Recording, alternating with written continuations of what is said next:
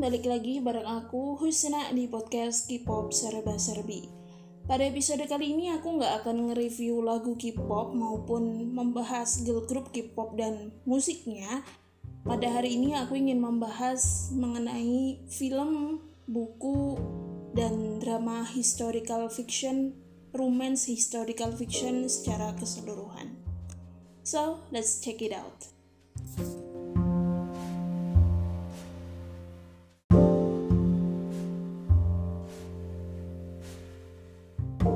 First of all, aku suka historical fiction, khususnya yang romance itu karena pertama historical fiction romance itu membuat aku belajar mengenai budaya negara-negara lain pada masa itu, kayak gitu.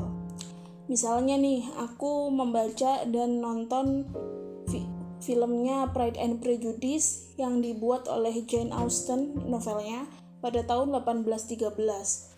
Gara-gara baca itu dan nonton filmnya, aku tuh jadi tahu kalau di masa Inggris pada tahun 1813 itu banyak banget etiket dan sosial status kelas sosial kayak gitu yang harus diperhatikan dan gak bisa sembarangan ditabrak. Tentunya hal itu berbeda dengan masyarakat kita yang sekarang ya kan yang nggak ada sosial status kecuali ya mungkin kekayaan kayak itu orang yang menengah ke atas ya pasti berbeda dengan menengah yang ke bawah ya kan uh, social circle-nya. Tapi status kita walaupun begitu orang masyarakat bawah kan boleh boleh demo ke yang masyarakat kelas atas boleh eh, mengemukakan pendapat sebebas-bebasnya cewek mengemukakan pendapat mengemukakan penolakan dengan bebas. Hal itu tuh berbeda banget di zamannya Jane Austen pada waktu itu. Terus yang kedua kenapa aku suka historical romance? Karena terutama yang audiovisual ya kayak drama ataupun film. Karena yang historical romance yang benar-benar historical romance itu sangat bergantung pada chemistry pemainnya kayak gitu Kenapa aku bilang kayak gitu? Karena adanya social status tadi, biasanya kan orang historical romance itu kan menceritakan orang kaya atau sosial statusnya di atas saat jatuh cinta sama orang miskin kayak gitu kan. Tapi ada social status yang membuat mereka bersikapnya harus terbatas gitu, ngomongnya nggak bisa belak-belakan. Nah, uh, yang benar-benar sosial eh yang sorry benar-benar historical romance itu karena ada keterbatasan itu biasanya pemainnya itu ngomongnya pakai mata gitu. Jadi apa yang ingin disampaikan dari hati itu tampilnya di mata bukan dalam bentuk sentuhan apalagi dalam bentuk pelukan and etc kayak gitu. Bagi aku yang nonton yang nonton film-film kayak gitu mungkin itu bakalan slow burn nggak bak nggak uh, berapi-api tapi aku ngerasanya somehow kayak nonton puisi gitu. Kayak sebuah puisi ditampilkan dalam audio visual dan menurut aku itu indah banget sih. Jujur aja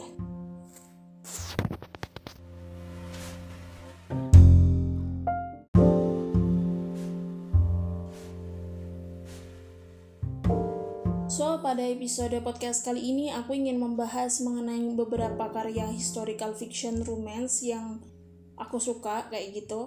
Yang pertama adalah Pride and Prejudice-nya Jane Austen. Yang kedua adalah drama dan novel historical fiction romance dari Korea. Yang kedua adalah historical fiction romance dan ya drama film dari Indonesia kayak gitu. Oke, mari kita buka dengan historical fiction ala Jane Austen. Jadi, kalau kalian yang belum pernah membaca maupun nonton filmnya, Pride and Prejudice itu menceritakan dua orang, yaitu Lizzie alias Elizabeth Bennet dan Mr. Darcy. Jadi Lizzie ini datang dari keluarga menengah katakanlah ya nggak nggak miskin miskin banget nggak kaya kaya banget cuma dia itu saudaranya ada lima dan cewek semua.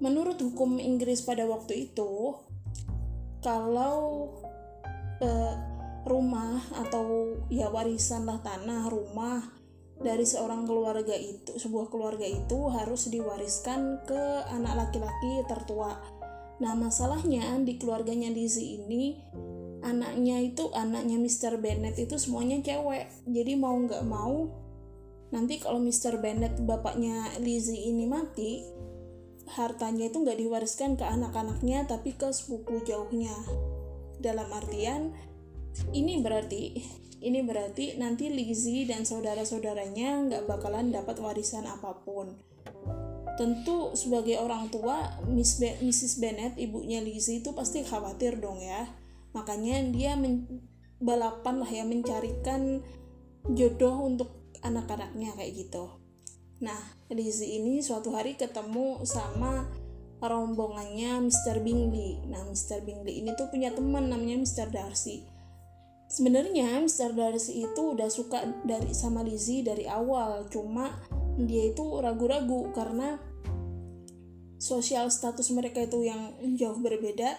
Mr. Darcy itu kaya banget, katakanlah lima kali lebih kaya dibandingkan keluarganya Lizzie dan juga terhalang sama apa ya perbedaan perbedaan perbedaan sifat sih ya Lizzie itu orangnya ceria terus mudah senyum ya sedikit banyak ekstrovert walaupun ya keras kepala. Nah Mr. Darcy ini orangnya introvert.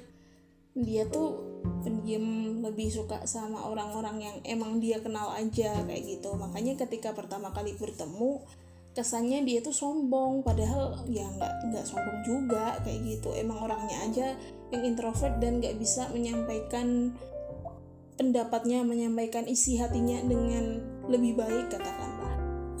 Nah gara-gara perbedaan sifat dan sosial status itulah yang membuat mereka itu ada pride harga diri harga diri yang harus dilindungi dan prejudis uh, prasangka satu sama lain. Plotnya mungkin agak klise ya jadi ada cowok cakep kaya jatuh cinta sama cewek miskin katakanlah. Ya yang status sosialnya lebih rendah.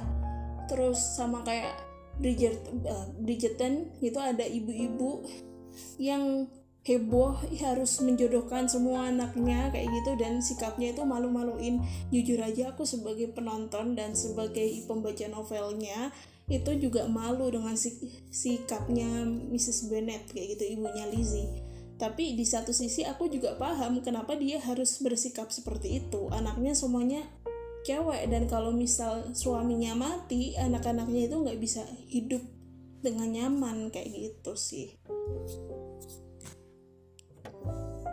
Novelnya Pride and Prejudice itu cukup tebal. Sekitar 500-an sorry sekitar 500-an halaman yang versi bahasa Inggrisnya. Aku nggak tahu kalau yang versi bahasa Indonesia. Dan itu slow burn bener-bener slow burn jadi kalau kalian yang nggak yang kosakata bahasa Inggrisnya agak terbatas mungkin bakalan agak nggak terlalu connect gitu dengan apa yang ingin disampaikan oleh Jane Austen di dalam novel tersebut. Karena benar tarik ulurnya itu beneran slow burn beneran agak samar-samar kayak gitu beda dengan yang versi filmnya khususnya yang versi tahun 2005 jadi Pride and Prejudice ini udah banyak banget udah sering banget diadaptasi dalam bentuk film yang terbaru itu tahun 2005 film ya bukan series yang dibintangi oleh Meg Faden kalau nggak salah nama Mr. Darcy-nya pemeran Mr. Darcy dan Kira Knightley yang memerankan Elizabeth Bennet. Aku nonton filmnya dulu jujur aja. Pertama kali nonton filmnya itu aku ngerasa miss in translation, miss in storytelling gitu. Karena aku kan belum baca novelnya dan cuma denger aja kenapa ke kalau Pride and Prejudice itu adalah salah satu karya sastra terkenal di Amerika dan di Inggris. Cuma aku nggak tahu ceritanya soal apa dan mengapa dia terkenal itu aku nggak tahu aku tertarik nonton filmnya ya karena lagi solo aja pingin pingin cari tontonan kayak gitu. Dan yang membuat aku terkunci pertama kali untuk nonton itu adalah karena Kira Knightley itu cantik banget sumpah. Cantiknya tuh uh, unconventional lah menurut aku untuk untuk uh, orang-orang Hollywood kayak gitu. Tapi uh, storytelling yang versi 2005 itu engaging banget juga sih. Uh, aku mulai nonton dan tertarik gara-gara pemeran ceweknya cakep tapi aku lanjut nonton sampai akhir karena storytellingnya itu engaging gitu pun penyampaian ceritanya itu engaging. Menarik kayak gitulah ya cuma waktu pertama kali nonton itu ya kesannya kayak agak terputus-putus gitu kan cepet ya dipercepat. Novel yang aslinya 500 halaman diubah jadi film yang durasinya maksimal 2 jam. Itu jadi kayak lompat-lompat gitu yang yang nonton kayak terkesan agak diburu-buru kayak gitu sih. Tapi gara-gara film itu aku tertarik untuk baca novelnya. Cari-carilah di internet ya kan dan ternyata walaupun slow burn dan walaupun aku kosakatanya bahasa Inggrisnya juga agak terbatas aku non aku bacanya sehari semalaman tanpa off jarang off. Karena aku nggak tahu apa sih ya magicnya ceritanya Jane Austen itu kayak membuat aku tuh terkunci gitu enak aja flawless aja uh, cara berceritanya dia. Walaupun emang sekali lagi slow burn ya. Mungkin buat kalian yang nggak suka something yang nggak berapi-api bakalan cepet ketiduran cepet ngantuk. Tapi ya itu sih.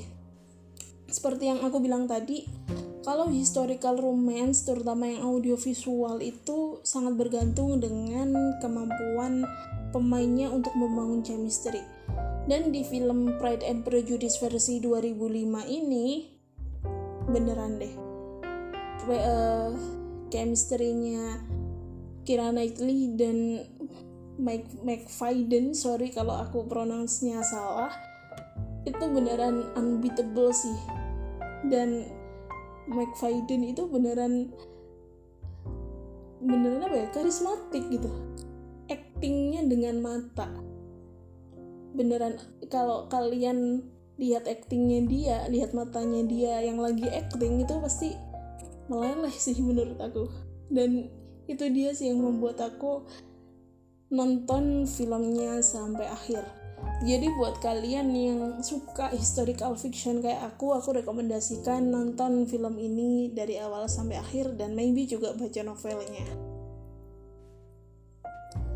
Karya historical fiction yang ingin aku bahas kedua adalah karya historical fiction romance yang berasal dari Korea Selatan. Well, aku udah nonton beberapa drama seigu romance yang menurut aku bagus romansnya yang pertama itu Janggem kalian mungkin kalian yang belum pernah nonton Janggem yang bukan segenerasi dengan aku ya singkatnya Janggem itu adalah koki istana yang meniti karir benar-benar dari bawah sampai akhirnya jadi menteri kesehatan kalau nggak salah. Dan dia itu punya love line punya cerita cinta dengan tentara kolonel gitu ya namanya Min Jong Ho kalau nggak salah. Dan lika-liku cintanya mereka. Well love line di dramanya Janggem ini tipis banget. Dari 52 episode itu ya romansnya beneran tipis-tipis tapi memang chemistry-nya Min Jong Ho Ji Jin He dimainkan oleh Ji Jin He dan Lee Yong E itu emang beneran halus banget sih sumpah. Jarang sentuhan jarang pelukan nggak pernah maybe ya. Tapi interaksi eye to eye nya itu oh my goodness I love it seneng banget aku kalau mereka udah berdua udah ketemu tuh. Oke okay, itu yang pertama. Yang kedua itu adalah bukan Jewel in the Crown yang dong ya. Itu The Great Queen Sondok ini drama 62 episode. Dulu pernah hype hype banget di Indonesia pada tahun 2009-2010 cerita cintanya itu segitiga antara Dokman, Yusin, dan Bidam. Aku nggak nonton drama ini sampai tamat pada waktu itu karena udah keburu di pesantren, jadi nggak pernah nonton dulu tayang di Indosiar. Tapi aku setelah lulus dari pesantren aku keep up dengan ceritanya. Dan oh no, ini sad ending beneran sad ending. Jadi awalnya tuh Dokman itu suka sama Yushin awalnya ya di awal-awal episode. Tapi Yushin itu karena sekali lagi sosial status dia cuma bangsawan biasa nggak nggak punya gelar pangeran dan dia juga berasal dari suku minoritas katakanlah. Dia nggak berani untuk melamar Dokman dan katakanlah jadi raja karena Dokman itu kan putri ya. Dan akhirnya lama kelamaan Dokman itu jatuh cinta sama yang namanya Bidam diperankan oleh Kim Namgil dengan super bagus banget. Bidam itu oh my god. Akhirnya jadi Dokman itu jatuh cinta sama Namgil eh Namgil Bidam Masalahnya adalah ternyata Bidam ini tuh anak musuhnya Dokman.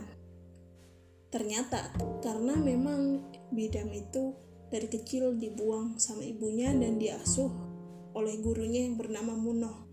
Dan Munoh itu mengasuhnya dengan sangat-sangat keras pertama dan kedua dia mengasuh Bidam itu juga membawa prejudis gitu, membawa prasangka kalau nih anak bakalan nurun nurunin ibunya padahal ya ya anak ya anak polos gitu yang diasuh sama dia dari bayi ya mau nggak mau nurun sifatnya dia dong. Masa udah diprasangka bakalan nurun ibunya sih? Meniru ibunya katakanlah kayak gitu. Dan chemistry di antara ketiganya itu bagus banget. Oke aku spoiler ya. Jadi kenapa aku uh, bukan kenapa aku suka sih kenapa ini tuh bagus romansnya? Karena di akhir episode di akhir drama Bidam itu mati sambil mencoba meraih Dokman dan matinya itu gara-gara dipanah sama prajuritnya Dokman. Dia disangka sebagai pengkhianat. Iya dia memang sempat jadi pengkhianat tapi pada akhirnya dia mau balikkan lagi ke Dokman tapi udah kelewat telat kayak gitu sih. Dan romansnya romansnya ini tuh The Great Queen Sondok itu membuat aku bisa nggak mood seharian karena sibuk nangis coba. Padahal aku sering kali nontonnya juga sepotong-potong doang tapi tetap aja gitu chemistry di antara ketiganya itu super banget bagus banget. Sayang semoga aja di ditayangin ulang ya di Indosiar gitu. Ayolah Indosiar kembalikan tayang kembalikan K-drama dalam list tayanganmu. Karena emang bagus banget sih The Great Queen Sondok itu juara. Tapi kalau kalau dibandingkan eh, bukan kalau dibandingkan dengan Janggep ya kalau dibandingkan dengan subplot lainnya love lainnya Dokman Yushin dan Bidam ini tuh juga agak lebih tipis sih agak tipis. Lebih padat politiknya. Ya biasalah drama segu gitu kan pasti padatan politiknya juga kan. Ya kan biasanya kalau historical romance itu fokusnya itu ke upper class. Orang dari istana orang bangsawan kayak gitu. Dan emang nature-nya orang-orang kayak gitu tuh fokusnya ke politik. Gimana cara mereka mendapatkan kekuasaan uang sebanyak-banyaknya kayak gitu. Bisa lebih dipercaya oleh masyarakat. Sedih sih nggak pernah nontonin yang untuk lower middle income gitu. Drama drama drama historical fiction itu mostly kayak gitu sih. Baik di barat maupun di Korea sih. Oke, okay, itu The Great Queen Sondok. Ini random banget sih aku ngomong ngomongin beberapa drama sama film historical romance. Tapi kalau misalnya aku review satu-satu itu bakalan panjang banget dan aku juga nggak tahu harus ngomong apa. jadi aku gabung jadi satu aja selain The Great Queen Sondok yang dari Korea bagus itu historical romance jelas uh, The Moon and uh, The Moon That Embraces the Sun dibintangin oleh Kim Soo Hyun dan Moon ah aku lupa nama mbaknya siapa. Ah lupa. Pokoknya mbaknya manis banget itu terus punya punya tahi lalat di hidung. Sumpah dia tuh cantiknya unconventional juga. Dia beneran manis banget betah gitu dilihat bikin betah bikin pengen makan mochi saking manisnya. Kenapa aku bilang the moon and embraces the moon that embraces the sun itu bagus? Karena uh, sangat kental tradisionalnya. Jadi yang aku nggak suka dari drama-drama segu romance sekarang itu adalah kacamatanya dari orang modern jadi banyak sentuhan tangan banyak kissing banyak pelukan. Dan itu tuh menurut aku agak menghilangkan esensi budayanya itu sendiri sih. Nah di The Moon That Embraces the Sun itu semuanya minim. Bahkan kalau nggak salah cuman itu satu dua atau bahkan nggak ada gitu. Kalau lupa aku.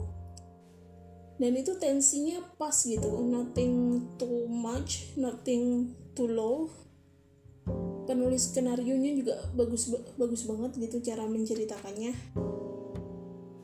Dan tapi plusnya dari The Moon That Embraces the Sun itu menurut aku nggak terletak di dramanya tapi terletak di novelnya. Karena aku baca novelnya juga terus nonton dramanya kayak gitu. Aku baca novelnya dulu baru nonton dramanya kalau nggak salah kayak gitu ya. Seingat aku sih baca novelnya dulu karena iseng gitu ya dan novelnya satu dua itu bagus banget. Penyampaiannya itu nggak terlalu slow burn kayak bikinannya Jane Austen yang emang ya Jane Austen emang orang zaman dulu. Dan Jung Unggul kan orang zaman sekarang.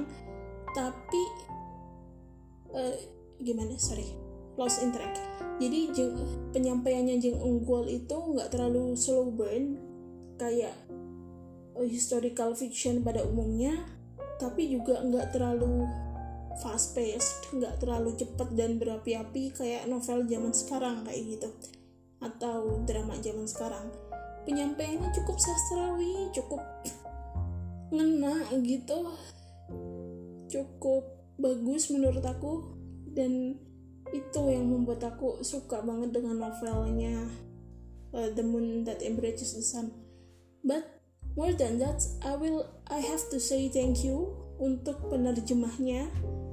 Kalau nggak salah diterbitkan oleh penerbit Haru ya novelnya di Indonesia.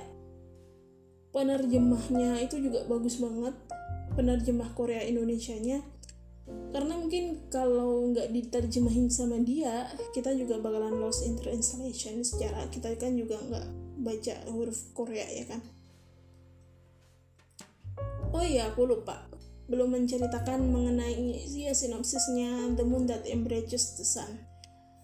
Jadi film dan buku ini tuh menceritakan seorang raja bernama Li Huan yang sebenarnya udah dijodohkan sejak kecil dengan Ho Yeon Woo anak seorang bangsawan gitu terkenal di Korea terkenal rajin terkenal memiliki pendidikan yang bagus akhlak yang bagus kayak gitu tapi ada pihak kayak politisi gitu yang nggak suka dengan perjodohan mereka akhirnya dengan bantuan seseorang, bantuan dukun itu Hoyonwu diguna-guna biar mati kayak gitu. Ternyata si dukun ini itu berkhianat gitu. Hoyonwu itu nggak dibikin mati tapi dibikin kayak pingsan sementara sampai waktu tertentu terus sehabis pingsan dia hilang ingatan gitu. Udah sempat dikubur udah sempat dikubur terus kuburannya digali terus tinggal sama si dukun itu selama 8 tahun kayak gitu. Terus karena satu dan lain hal Li itu ketemu sama Ho Yeon Woo yang hilang ingatan itu dan ya gitulah romance-nya berjalan dengan kayak gitu oh iya nama mbaknya itu In sumpah cantik banget historical romance dari Korea yang lain yang menurut aku bagus itu jelas and obviously Mr. Sunshine the one and the only historical romance that made its success to public to viewers padahal settingnya itu nggak historical historical banget gitu tahun 1900-an bukan yang kayak Joseon kayak The Moon and the, That Embraces the Sun atau The Great Queen Sondok ya kan? Nah kalau Mr. Sunshine ini ngambilnya tahun 1913 1914-an zaman sebelum penjajahan Jepang di Korea. Kayak yang aku bilang kayak tadi aku bilang gak sih kenapa aku suka Mr. Sunshine? Itu romansnya slow burn banget. Tapi karena chemistry antara Gu Dongme, Gu Aishin dan Choi Choi Eugene Choi itu sangat mengena gitu. Jadi aku nontonnya itu kayak nonton puisi puisi yang disampaikan dalam bentuk audio visual. Dan itu bagus banget. Settingnya mantep terus actingnya mantep membuat aku oh my god. Sama ketika gudong sorry ini spoiler. Ketika para tokohnya mati aku juga nangis sumpah. Itu kan sad ending ya nggak terlalu sad ending sih sebenarnya. Ada positif endingnya tapi tetap aja gitu Eugene Choi dan Go Asian nggak bisa bersatu. Kenapa aku bilang kayak puisi gitu? Jadi kisah cinta mereka itu terhalang sama social status. Eugene Choi emang orang Amerika tapi dia sebenarnya orang Korea yang statusnya budak Sementara aku Aishin dari lahir udah bangsawan kayak gitu. Jadi wajar aja kalau misal mereka bersatu banyak orang yang menentang. Belum lagi fakta kalau Gu Aishin itu sebenarnya juga udah dijodohkan dengan orang lain. Sementara Gu Dongme itu sebenarnya juga suka sama Gu Aishin tapi terhalang sosial status satu dia juga budak eh, buka bahkan bukan budak dia tuh jagal lebih rendah lagi daripada budak dulunya sebelum kabur ke Jepang. Kedua karena dia kabur ke Jepang jadi statusnya itu orang Jepang. Nama Jepangnya itu Ishida Sho. Alasan yang ketiga kenapa dia nggak bisa meraih Go Aishin sedemikian rupa itu karena dia pernah menyakiti hati Go Aishin waktu dia masih kecil. Kayak gitu sih. Jadi oh my god romansnya beneran rumit tapi sama penulisnya itu disampaikan dengan begitu halus lambat tapi ngena gitu. Jujur ya kalau misal Mr. Sunshine itu ada novelnya pasti aku beli dan aku baca. Karena biasanya kalau nonton drama nonton film historical romance itu memiliki sensasi yang berbeda dengan membaca novelnya. Kayak The Moon That Embraces the Sun tadi sih. Itu yang dari Korea ya. Wah panjang banget karena aku udah nonton beberapa sih. Oke, okay, let's talk about historical romance di Indonesia. Aku ngerasa jarang banget sih ya, terutama untuk yang audiovisual. Karena seingat aku, sependek ingatan aku, tahu eh aku tuh kelahiran 96 jadi kalian tebak umur aku berapa. Tapi di masa 96 sampai sekarang itu bertebaran banyak film-film sejarah.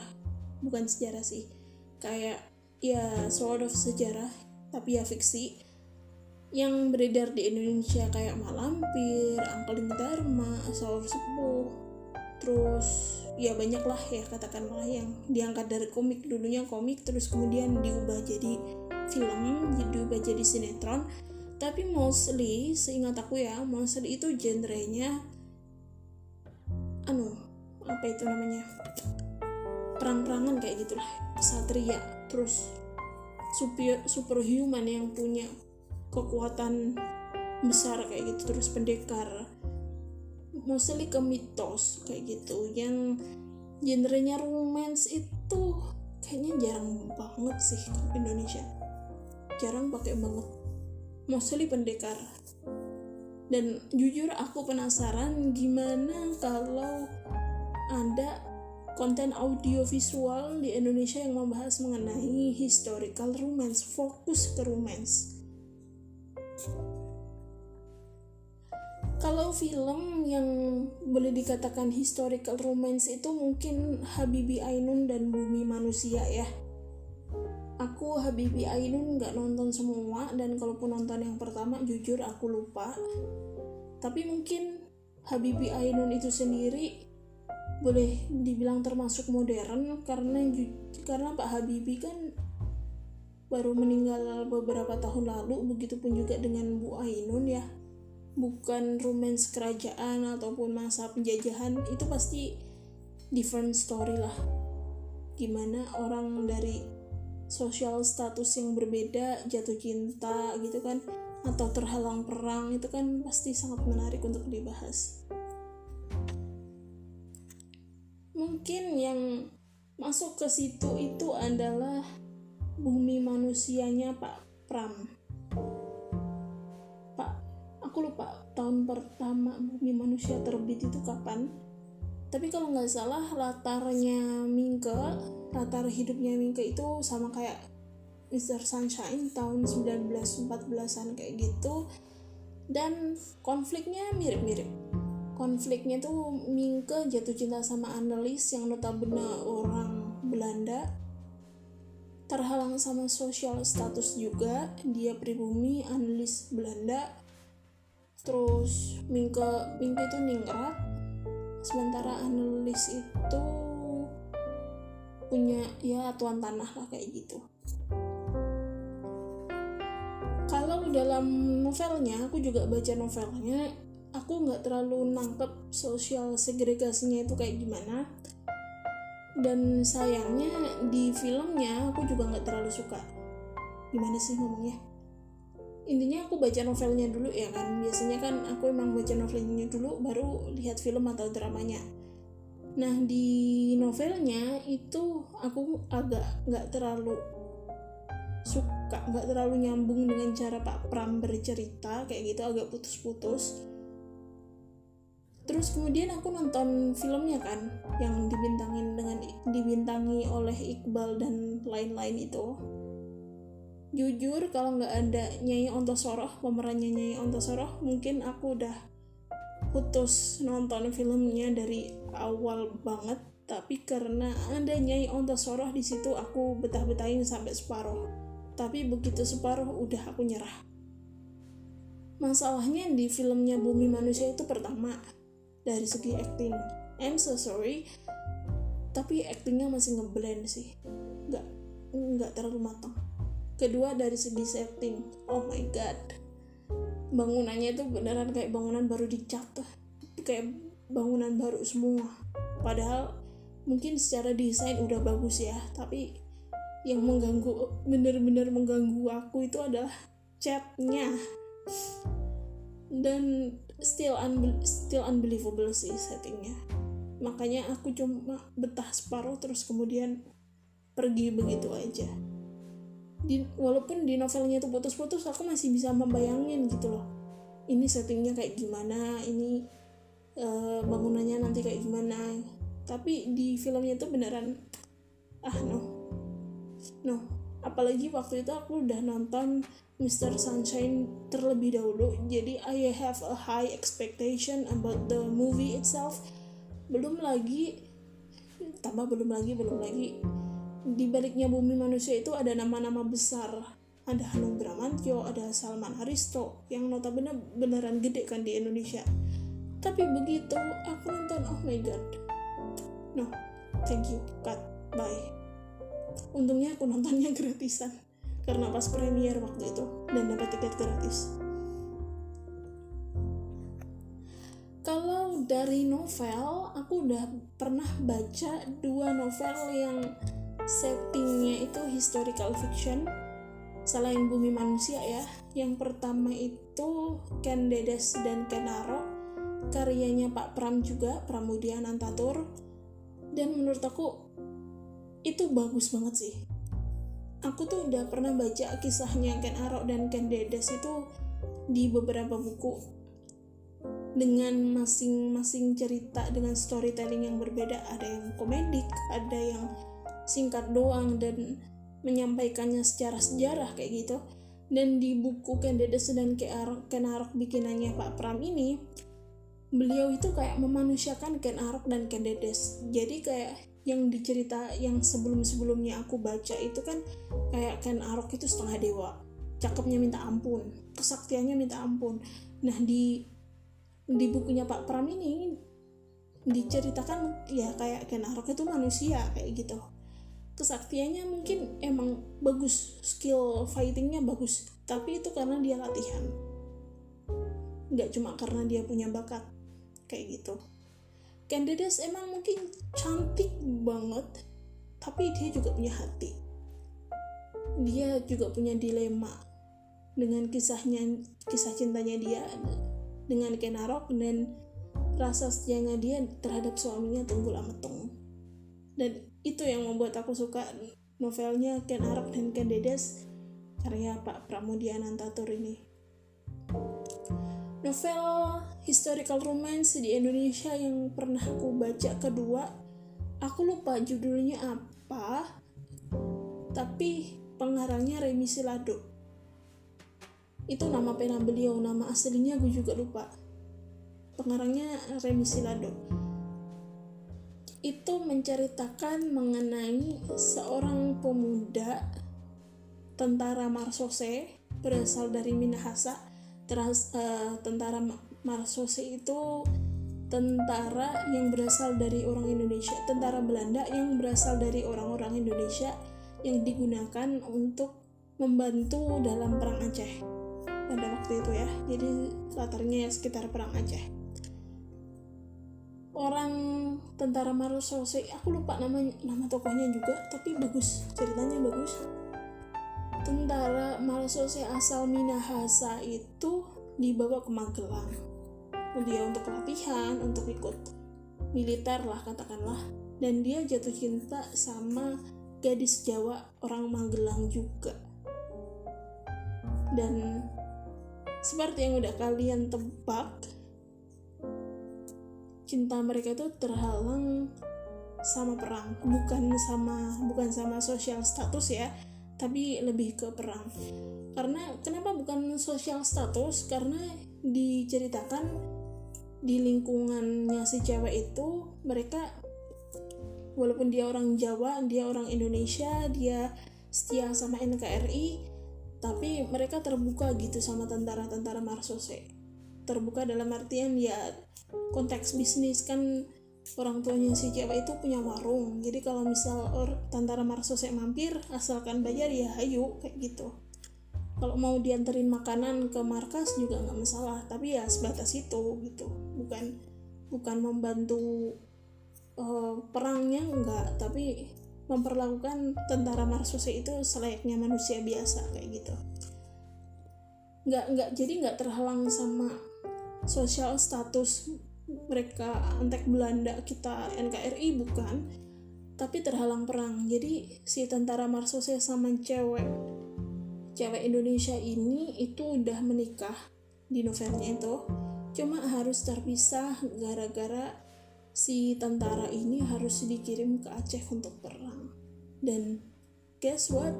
Karena zaman itu nggak ada surat nggak ada telepon apalagi handphone kabar mereka kabarnya itu terputus. Apalagi si tentara ini kalau nggak salah juga sempat masuk penjara. Jadi ya susah. Si cewek ini kayak kayak ngarep ini laki gue bakalan balik apa enggak? Kayak gitu. Belum lagi dia juga menghadapi orang-orang sekitarnya janda ya kan? Cantik pula. Mana ditinggal lakinya pergi perang. Itu kayak tantangan tersendiri sih. Dan untung aja si laki ini pulang dalam keadaan selamat dan happy ending. Oke itu aja untuk episode kali ini. Cukup panjang ya semoga aja kalian betah.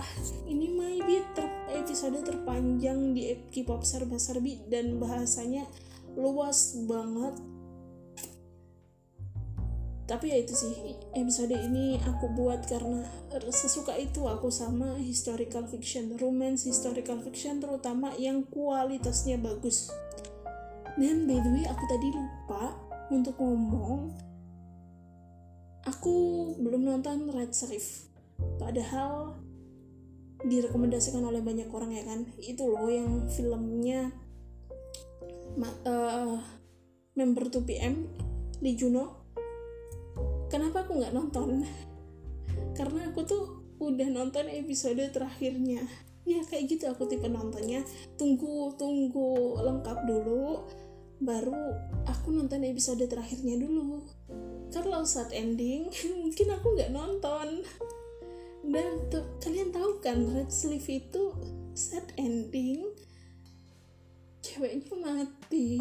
Dan tahu nggak aku tuh cuma nonton episode sat, eh, aku tuh cuma nonton satu episode. Episode terakhir doang. Episode 16 kalau nggak salah ya. Iya kalau nggak salah bukan bukan yang 17 kalau nggak salah. Cuma yang episode 16 tapi aku udah nangis banjir.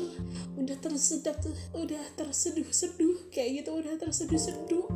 Jadi gimana aku mau nonton dari awal kalau aku nonton episode akhirnya aja aku udah terseduh-seduh. Karena emang di episode terakhir aja kelihatan banget itu chemistry-nya Juno sama Lee Seong ya pemain ceweknya. Itu bagus banget chemistry-nya ya ampun. Jadi aku nggak tahu bakalan nonton atau enggak sih sejujurnya karena nggak kuat. Kalau misalnya set ending kayak gitu. Oke okay, itu aja untuk episode kali ini. Wish you guys like it. Konten sepanjang ini serandom ini. Di podcast cukup serba serbi. Bye bye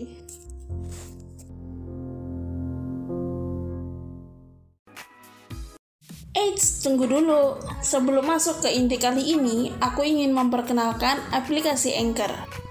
Jadi, buat kamu yang ingin punya podcast kayak gini, kamu bisa pakai Anchor FM. Dengan Anchor FM, kamu bisa posting episode, ngedit episode, nambahin backtrack, dan gak perlu khawatir soal distribusi podcast kamu. Soalnya, dengan pakai Anchor, podcast kamu pasti bisa diakses di Spotify dan banyak player podcast lainnya. Jadi, tunggu apa lagi? Kuy, bikin podcast di Anchor. Linknya ada di bawah ya.